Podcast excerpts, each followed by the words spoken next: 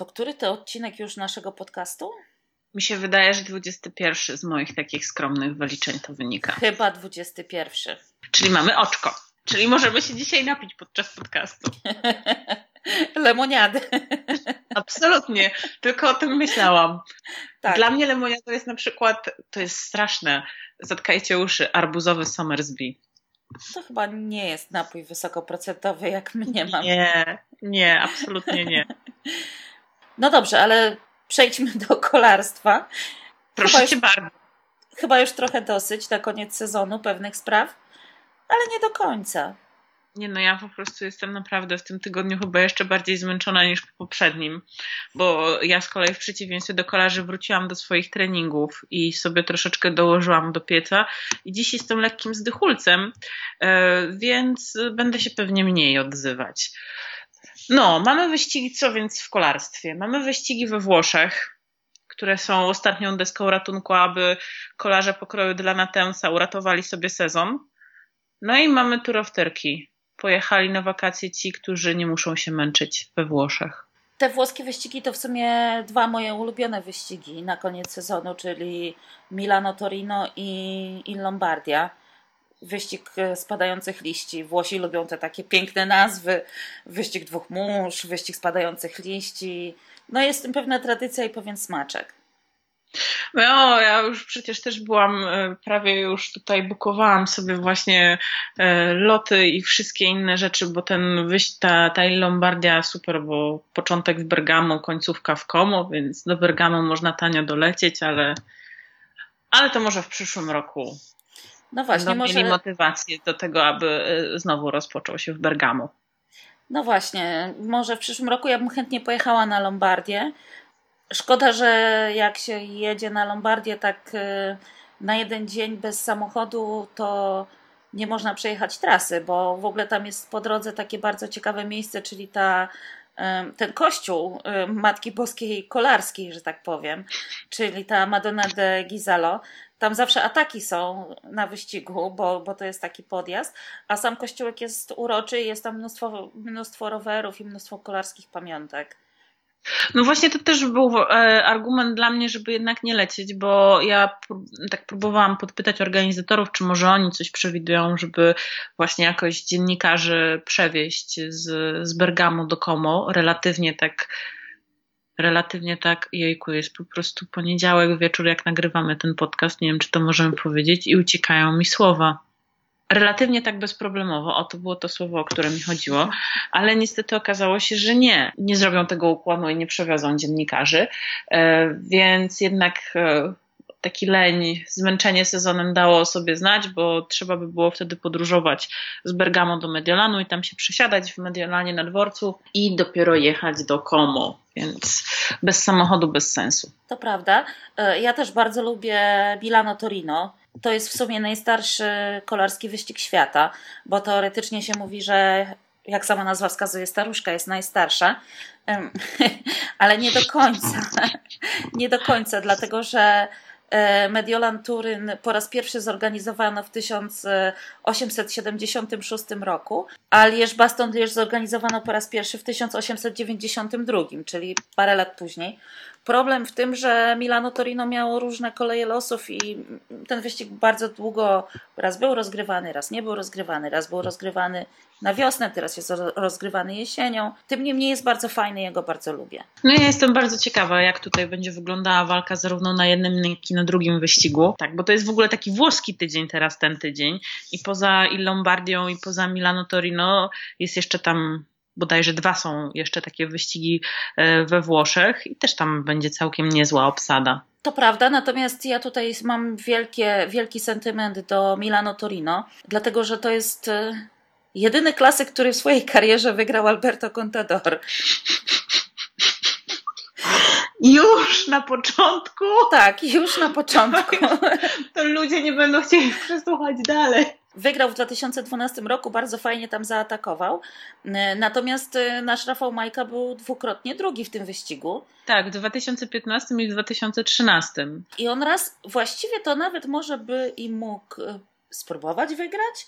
Gdyby nie to, że się cały czas podjeżdżając pod Bazylika Super, Superga, cały czas się oglądał na Contadora, któremu miał właściwie pomagać.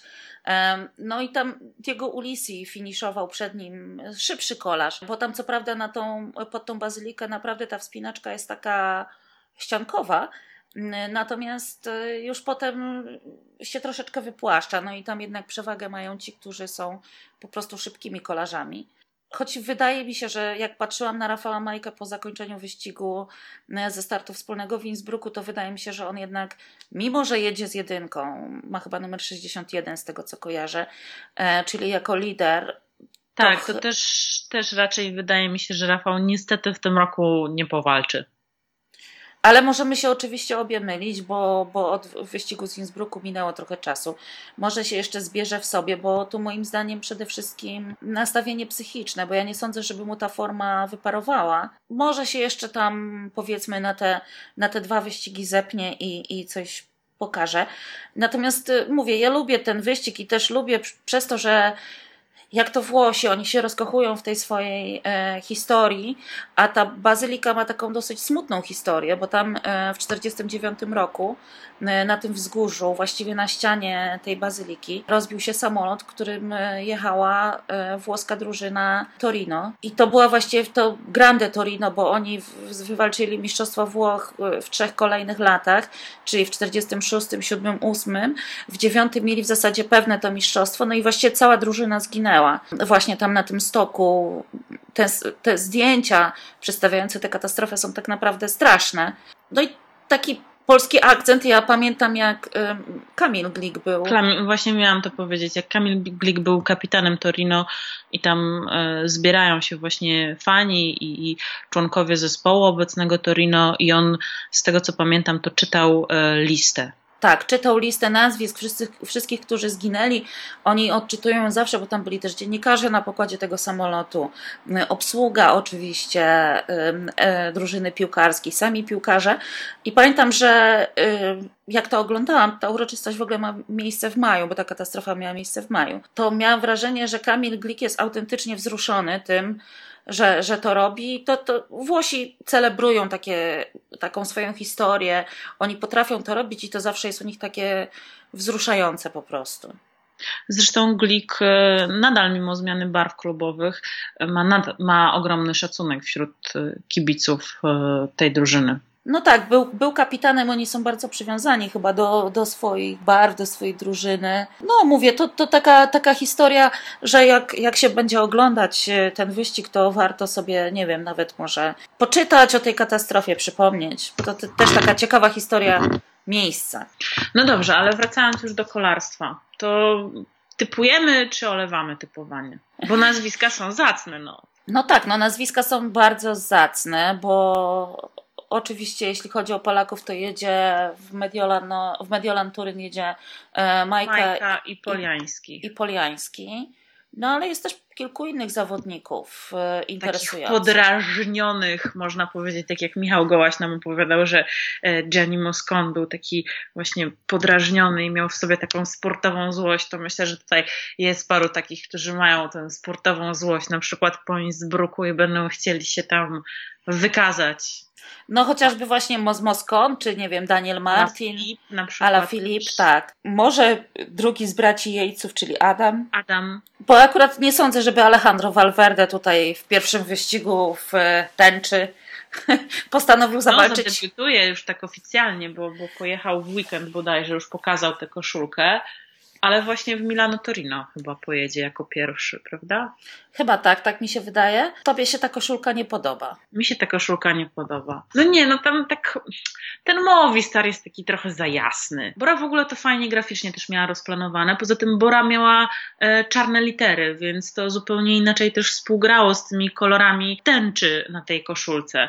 A ten Movistar, no nie wiem, ja jakoś tak nie czuję tej, no, no, no nie, no za jasny jest. Ja tam trochę tak mi się też wydaje i też myślę, że nic by się Movistarowi nie stało, gdyby jednak się zdecydował na y, czarny napis Movistar. No. Po prostu przy tej tęczy wyglądałoby to tak o wiele szla- lepiej, prawda? Szlachetniej. szlachetniej. No. Tak, no. a ten błękitny tak z tą tęczą nie współgra, o powiem w ten sposób. Ale myślę, że ci wszyscy, e, dla których, e, którzy tam wbijają szpileczkę Valverde po tym, po tym Innsbrucku, to sobie myślą, a, karma, to masz teraz chłopie, będziesz jeździł w brzydkiej koszulce przez rok.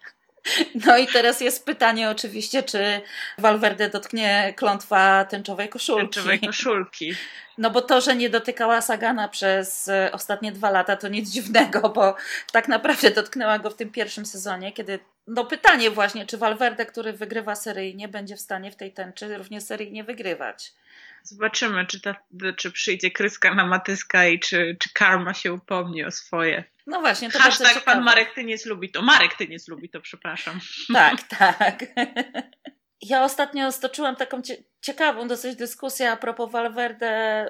Wywiechało, prawda? Tak, tak, wywiechało. Słuchałam. Nawet muszę przyznać, że napisałam Kamilowi Wolnickiemu, że ja się z nim zgadzam. Co, co mi się najbardziej w tej dyskusji nie podoba, bo to, że Valverde miał swój ban, swoją karencję, okej. Okay. E, tyle tylko, że cóż zmienia to, że on został mistrzem świata. Znaczy, to jest facet, który nawygrywał się monumentów, nawygrywał się wszystkich wyścigów, nawygrywał się wyścigów e, wieloetapowych również, i to w tym sezonie chociażby.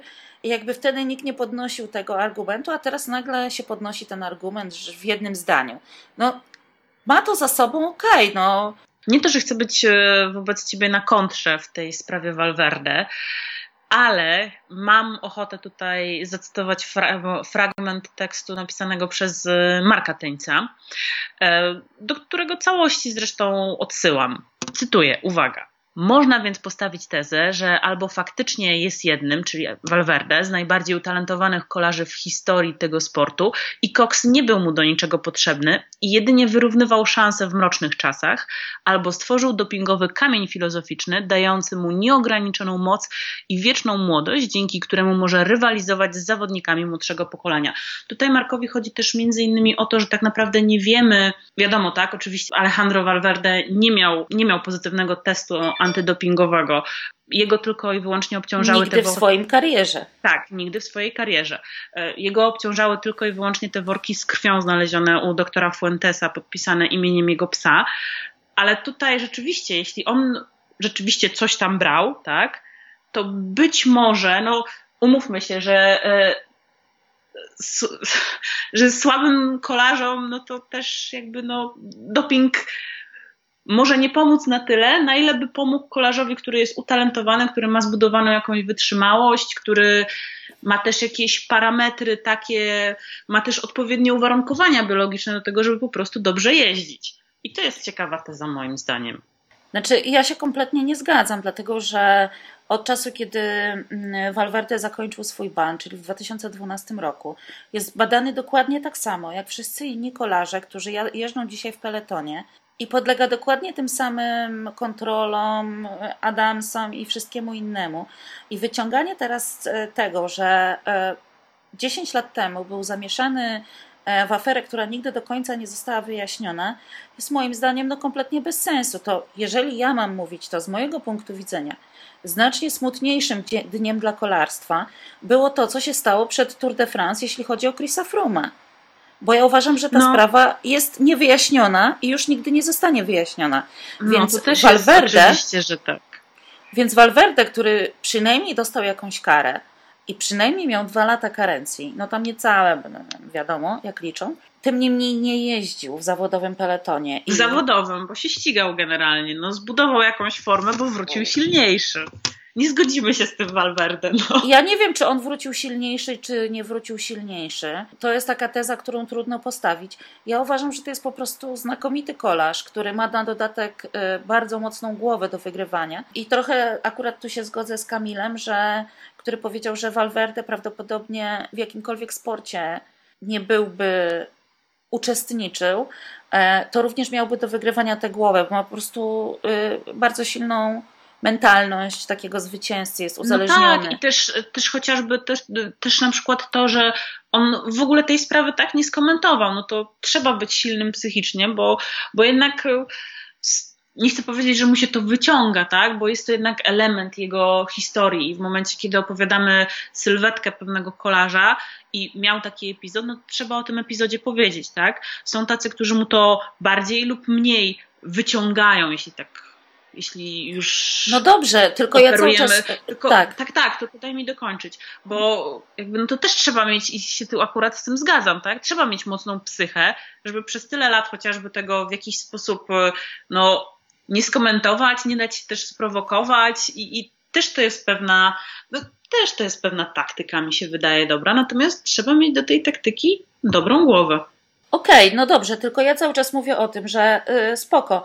Yy, ilekroć pisaliśmy sylwetki Valverde przy okazji tego, że nie wiem, wygrał po raz enty yy, walońską strzałę, czyli Lierz Baston Lierz, to wtedy zawsze przypominaliśmy, że był zamieszany w Operación Puerto i że yy, był zawieszony. Natomiast w czym on jest dziś gorszy od jakiegokolwiek innego zawodnika z peletonu, to ja tego nie rozumiem.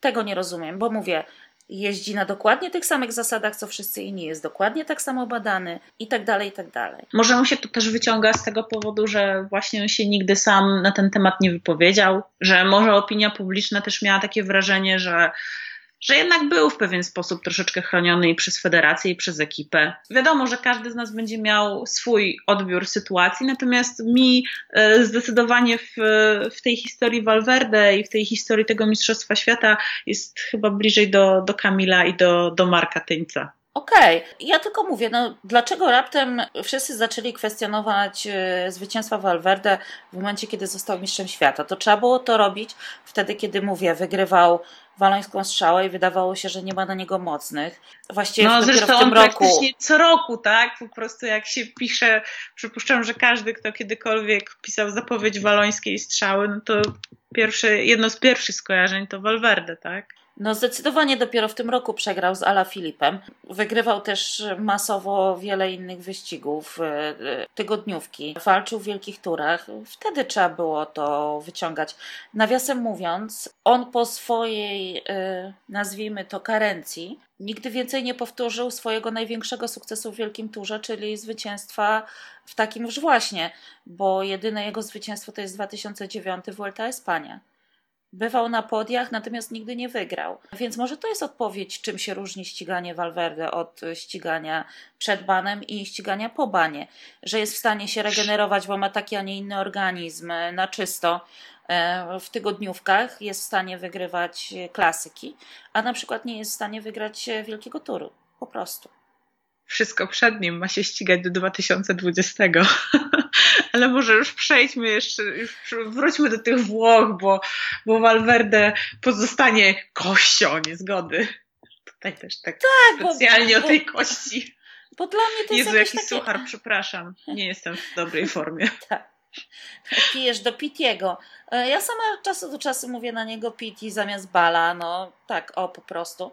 Ale właśnie dla mnie to było takie czepianie dla czepiania. Znaczy, że w jakim sensie Valverde jest gorszym mistrzem świata od innego mistrza świata.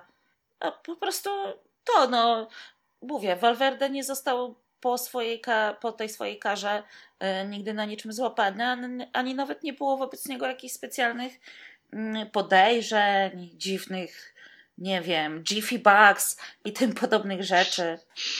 Było się go czepiać wcześniej, a nie teraz. O, to jest moja odpowiedź na wszelkie czepianie się Valverde. Natomiast ja się bardzo przyczepiam do y, Tour of Turkey i bardzo żałuję, że Przemysław Niemiec kończy swoją karierę właśnie Ach. na tym wyścigu. Ze względu na to, co się dzieje w Turcji i ze względu na to, że co prawda to już nie jest prezydencki wyścig, e, jak jeszcze kilka lat temu, bo prezydent Turcji jest e, osobą co najmniej kontrowersyjną. Kontrowersyjną, tak. Niedawno Erdogan, Erdogan zapowiedział, że zabije tysiące Kurdów. Też można, e, nie to, że odbić piłeczkę, tak, ale można podać kolejny przykład chociażby tego, gdzie się zaczynało w tym roku Giro d'Italia, tak? Tam też są kontrowersje odnośnie regionu, w którym startował wyścig dookoła Włoch. No, jakby do Turcji to, to, to akurat rozumiem, natomiast. Nie, no wiadomo, że są pewne kontrowersje związane z sytuacją Palestyńczyków. Natomiast no, Turcja to Turcja, opowiem w ten sposób, tak? Tak. Zresztą ja powiem szczerze, przyznam szczerze, ja bardzo nie lubię wyścigów w Turcji chociażby z tego względu, że o tutaj był prawdziwy Mustafa Sajar, prawdziwy mistrz nadmistrza, który zdominował ten wyścig kilka lat temu. Potem się okazało, że jechał na absolutnie na banalnym EPO i wpadł po prostu jak śliwka w kompot. Tak. To tutaj też można powiedzieć Łoda Pity, ale używając słówka Pity w takim innym znaczeniu, tak? W sensie, że no, jaka, jaka szkoda. Tak, jaka szkoda. Także ja mówię, no y, szko szkoda, że, że Przemysław Niemiec tam zakończy karierę, no ale trudno, tak? Też yy, szkoda, że kończy karierę, on jest w wieku Valverde, zdaje się, tak? Tak. Ale pamiętasz w ubiegłym roku, jak byliśmy w Hiszpanii na tym ostatnim etapie Vuelty, to jak rozmawiałyśmy właśnie chwilę z Przemkiem Niemcem, to on wtedy już też był taki dosyć mocno przygaszony, bo nie było wiadomo, co tam z tym kontraktem, czy, czy rzeczywiście do jakiegokolwiek ścigania dojdzie. Miało, doszłoby po prostu w, w tym sezonie, no ale jednak się udało. No. Tak, zdaje się, że tam wymyślono dla niego taką funkcję trochę przewodnika dla młodych kolarzy w tym e, Team Emirates. I w sumie fajnie, że pojeździł jeszcze ten rok e, jako zawodowy kolarz. Pytanie, co, co, jakie on ma plany na dalszą część kariery, bo tam się mu właśnie mówiło o tym, że może zostanie w tym Team Emirates, ale nie mam najświeższych informacji, e, szczerze powiedziawszy, na ten temat. Postaramy się wywąchać, dowiedzieć. Przypuszczam, że Adam Probosz może coś wiedzieć na ten temat. To jeden z takich e, kolarzy, którzy bardzo długo byli w światowym peletonie z tą barwą narodową Polski. No ale każda kariera musi się kiedyś skończyć. No też te ostatnie lata, powiedzmy sobie szczerze, nie były takie najlepsze w jego wykonaniu. No ale za to jest pierwszym Polakiem i to już mu nigdy nie zostanie odebrane. Tak, wygrał etap na Vuelcie. Tak, i to taki. I to jeszcze etap... na Lagos de Covadonga, więc. Dokładnie. Tam nawiasem mówiąc. nawiasem mówiąc, Valverde to wpadł dosłownie E, kilka sekund e, za Niemcem, tak go zaciekle gonił tam. No ale się udało i fajnie. No dobrze, to ja się ciebie jeszcze podpytam, czy rozmawiałyśmy o tych typach w końcu, czy nie? Typujemy coś na to Milano, Torino, na tę Lombardię, czy nie typujemy? Nie wiem, szczerze powiedziawszy, to trudno w tych wyścigach e, typować kogokolwiek, E, z uwagi na to, że no już wszyscy są tacy mocno zmęczeni. E, I nie zawsze jest tak, że ktoś, kto błyszczał na Mistrzostwach Świata, to zabłyśnie tam.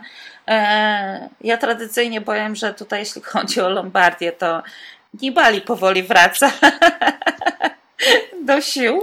Szkoda, że Państwo tego nie widzą, bo ja właśnie powiedziałam wtedy, jak Arlena mówiła Nibali, to ja też powiedziałam Nibali, otwierając usta, ale nie wydając dźwięku. Boże, jakie my jesteśmy dzisiaj słabe, przepraszam.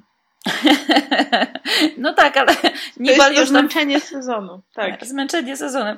Ale Nibali y, gdzieś tam się zameldował w tym wyścigu, który wygrał Demarki chyba na 13 miejscu, więc y, tym Giro di Emilia i to tuż za Primożem Rogliczem, więc y, kto wie, kto wie, może Rekin. Szykuje nogę. Zresztą przyjechali w takiej grupce, w której był też y, Roman Bardet, którego też bym nie skreślała, jeśli chodzi o Lombardię, bo jakiś chyba musi czuć niedosyt, bo na mecie w Innsbrucku był bardzo nieszczęśliwy. No, myślę, że nie tylko on jeden może czuć niedosyt po Innsbrucku, no. No ale niestety Mick Jagger Peletonu nie będzie miał szansy bronić swojego tytułu z ubiegłego roku na Milano Torino, więc może, może to jest dobra szansa na to, żeby się demarki zrewanżował e, swojemu koledze, który też nie ma zbyt dobrego sezonu i któremu nomen omen trochę pomógł e, w wygraniu Giro di Emilia. E, mówię o Dylanie Tensie, wiecznie drugi w tym sezonie, albo wiecznie trzeci. Taki Wiesz, to ta ostatnia ścianka jest taka tęsowa faktycznie. No. Natomiast czy ja go widzę tutaj w roli zwycięzcy, trudno mi powiedzieć. No, daj Boże zdrowie, choć wydaje mi się, że jednak znowu ktoś go ubiegnie. Ale oczywiście mogę się mylić. Ale mówię, końcówka jest niewątpliwie pod takiego końcówka kolarza jest, jak on. Tak, końcówka jest pod niego. No. Też by było fajnie dla BMC, żeby coś tam ugryźć na tych ostatnich wyścigach włoskich. Jak już tam ugryźli to Giro di Emilia. Pewnie tak, choć, choć wydaje mi się, że tam ktoś inny ma, wyskoczy bardziej. Ja jestem ciekawa Landy, który znowu tak. miał kraksę niestety i, i wystartuje też w Milano Torino. No zobaczymy, zobaczymy. Bernal powraca też po kontuzji odniesionej na San Sebastian, e, podobnie jak Landa, znacznie poważniejszej. Widziałam, że ma piękny uśmiech, więc chyba te zęby sobie naprawił, które stracił. To, przykra, bardzo przykra kontuzja była. Tak, te kontuzje z zębami są rzeczywiście dosyć tak. Może ja nie będę komentować kontuzji z zębami. No dobrze, to zostało nam jeszcze coś do omówienia e, poza tym, e, e poza tą Lombardią, poza resztą? No ja myślę, że też warto wspomnieć parę słów o CCC Development Team. Tak, są musimy już szczegóły. Się, musimy się przyzwyczaić, nie wiem, do mówienia chyba CCC. Nie wiem zresztą. Ja będę chyba dalej mówić CCC. Tak, że tak powiem z rozmachem, tak? Czyli CCC Team w WebTourze, CCC Development Team e, w, w, e, jako drużyna kontynentalna rozwojowa dla e, młodych zawodników i team kobiecy. No tak naprawdę a bogato. Mnie się spodobały te słowa Piotra Wadeckiego, który powiedział, że ten development team ma służyć tym zawodnikom, którzy przechodzą z juniorów do e, orlików i potem z orlików dalej, bo to jest faktycznie trudny wiek dla kolarza i wielu się wtedy wykoleja, albo nie ma gdzie jeździć, albo, albo ma kłopoty. Więc fajnie, że jest drużyna, która jakby tych mam nadzieję, że tak będzie, najbardziej wartościowych polskich kolarzy w tym wieku e, będzie mogła skupiać. Ja chciałam powiedzieć przytulić nawet. No, Ale nawet ładniejsze przytulić. słowo, tak. Nawet ładniejsze słowo żeś wybrała. Z ciekawostek to szczęśliwie się okazało, że Quickstep ma nowego sponsora tytularnego. Ja już się zastanawiam, e, jak to się będzie wymawiać. Jak to się bo... będzie wymawiać? Właśnie ja też nie, nie podejmę się e, wymawiania nazwy, natomiast jest to producent okien na rok. Mnie się wydaje, że to trzeba jakoś z francuska, tak? Bo ja wiem. No nie, nie, nie powtórzę. Zapytam Poczekam... moich znajomych z Belgii. Na przykład, o właśnie. Na przykład. Tak, na przykład, I tak. do czegoś przydadzą. Tak, albo poczekajmy, co zrobią e, komentatorzy Eurosportu w, tym, w, tej kwestii. Są profesjonalistami, będą musieli e, wybadać. Tak, wybadać grunt. No a Quickstep to w ogóle tak, 69 wygranych, jeszcze mają możliwość coś przytulić, no. Ala Filipe. Czy to, czy to we Włoszech, ale też mają całkiem przyzwoity skład na tę Turcję. No tak, ale nie przywiązywałabym się do zwycięstw w Turcji. Jednak myślę, że e, gdyby Ala Filip jednak rozgrzał nogę, rozpalił swoje serce waleczne D'Artagnana czy Robin Hooda, jak wolisz, i postanowił wygrać e, poważny wyścig albo monument, no to, to byłoby coś naprawdę wielkiego. Oni to muszą mieć bardzo dużo szampanu w tym quickstepie. Powinni sobie właśnie, tak jak na przykład Bora ma też swojego e, sponsora, który im dostarcza właśnie te takie Prosecco, to, to Quickstep też powinien się postarać. Chyba, że im po prostu z Lidla dowożą. To takie zakręcane, które ja też kupuję. A w drugim dyskoncie zwanym Biedronka jest Prosecco z korkiem. Bardzo przyzwoite, naprawdę. Tak, wiem, tylko że ja się boję po prostu tego korka otwierać, wiesz, bo ja po prostu mam jakiś taki lęk przed korkiem. Ale nie strzela, nie strzela. Wiem, że, wiem, że nie strzela. No ale dobrze, to jeszcze z ploteczek. E, wraca na rower, czyli Mark Cavendish. Podobno wszystko co najgorsze i wszystko co kumulowało się w tych trzech brzydkich literkach EBV e, jest już za nim. Nawet na Instagramie zaprezentował swoje nieogolone nogi Najwyższy czas jednak wziąć się za siebie. Tak, najwyższy czas wziąć się za siebie. E, tym bardziej, że zostaje też w Dimension Data na kolejny sezon. No i dzięki Bogu mam nadzieję, że jeżeli przyjdzie mu kiedykolwiek kończyć karierę, to jednak lepiej po lepszym sezonie niż ten, który miał mm, w tym roku. Życzę, życzę mu jak najlepiej. A nuż jednak uda mu się dobić do tego rekordu zwycięstw na Tour de France, e, rekordu dzierżonego przez Ediego Merckxa. W ogóle fascynujące jest to, że kolarzom kolarstwo się nie nudzi i jeżdżenie na rowerze się nie nudzi, bo najpierw był Daniel Os, który poszukiwał sensu życia, który poszukiwał radości w jeżdżeniu na rowerze, wybrał się po prostu taką przejażdżkę kilkudniową rowerową, gdzie jechał przez siebie i po prostu budził się gdzie indziej, gdzie indziej jadł śniadanie, gdzie indziej pił kawę i gdzie indziej zasypiał. No potem były te dwa rewelacyjne tygrysy z Aqua Blue Sport, czyli Larry Warbase i, i Conor Dunn. Swoją drogą chciałam powiedzieć, że widziałam Conora, Conora Duna, który podjeżdżał pod hall i to było naprawdę, e, na treningu oczywiście, no bo podczas wyścigu to już tam biedny nie dojechał i to było naprawdę coś, bo on jest jednak duży to, żeby się tam wciągnąć, to, to było coś. No i oni też mieli swój no-go tour, gdzie po prostu jeździli na rowerze bardziej dla przyjemności. I w ich ślady postanowili pójść Team Valencia i Thomas de Hand, którzy na zakończenie sezonu wrócą z Włoch do Belgii. I mają już nawet specjalne sakwy przystosowane do rowerów szosowych. To jest po prostu jakaś nieprawdopodobna historia, że też im się chce, zamiast zacząć urlop, jak przystało większości poważnych kolarzy z Werturu, natychmiast po Lombardii w zasadzie, to oni będą jeszcze 6 dni jechać z Włoch do Belgii. No po prostu pełen szacun dla ich wyczynu. Absolutnie tak. Kolarze nawet jeżdżą w wakacje na rowerze. Może my powinniśmy coś z tym zrobić po prostu. Też zakupić rowery szosowe i pojechać przed siebie. I teraz to mówisz, jak już się sezon rowerowy w Polsce kończy.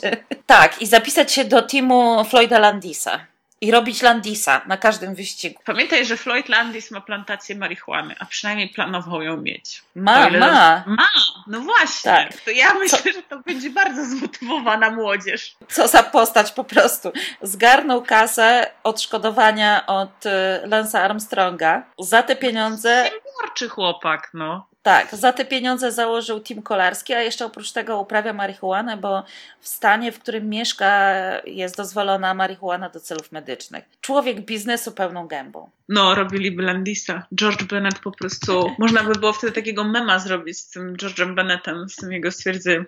Zrobił Landisa. Tak, właśnie miałam powiedzieć, że George Bennett lubi to. Lubi to tak. Tylko marihuanę, czy, czy po prostu. Landisa lubi po prostu. A, Landisa, okej. E, Chciałam powiedzieć, że my nic nie wypaliłyśmy niedozwolonego w trakcie nagrywania tego podcastu, chociaż możecie mieć takie wrażenie, że to było takie dosyć chaotyczne, e, ten 21, ale to dlatego, że to oczko i dlatego, że już jesteśmy zmęczone sezonem również. I chciałam nadmienić, że podczas nagrywania tego podcastu nie ucierpiało żadne zwierzę. Tak, bo moje koty są u rodziców. No dobrze, to chyba tym optymistycznym akcentem e, zakończmy ten odcinek. I usłyszymy się po Lombardii. Zrobimy już jakieś tam podsumowanie sezonu wtedy. Jedno z kilku podsumowań sezonu, bo takie Tak. mamy plany. I jeszcze jedna rzecz. Twój ulubiony kolarz ostatnio, nad którym się strasznie, strasznie pastwiłaś. Nico Roach. I ja na to wpadłam, jadąc na zajęcia z poldensu w ubiegły czwartek. Wpadłam na to stojąc na światłach o godzinie 6.30, kiedy z billboardu patrzył się na mnie Rafał Trzaskowski. To miałam wrażenie, że patrzy się na mnie trochę mniej przystojna wersja Nico Roacha. No muszę powiedzieć, że coś w tym jest, podobny typ urody i na dodatek też zna francuski. O nie! To już teraz możemy kończyć. No to do usłyszenia za Do tydzień. usłyszenia.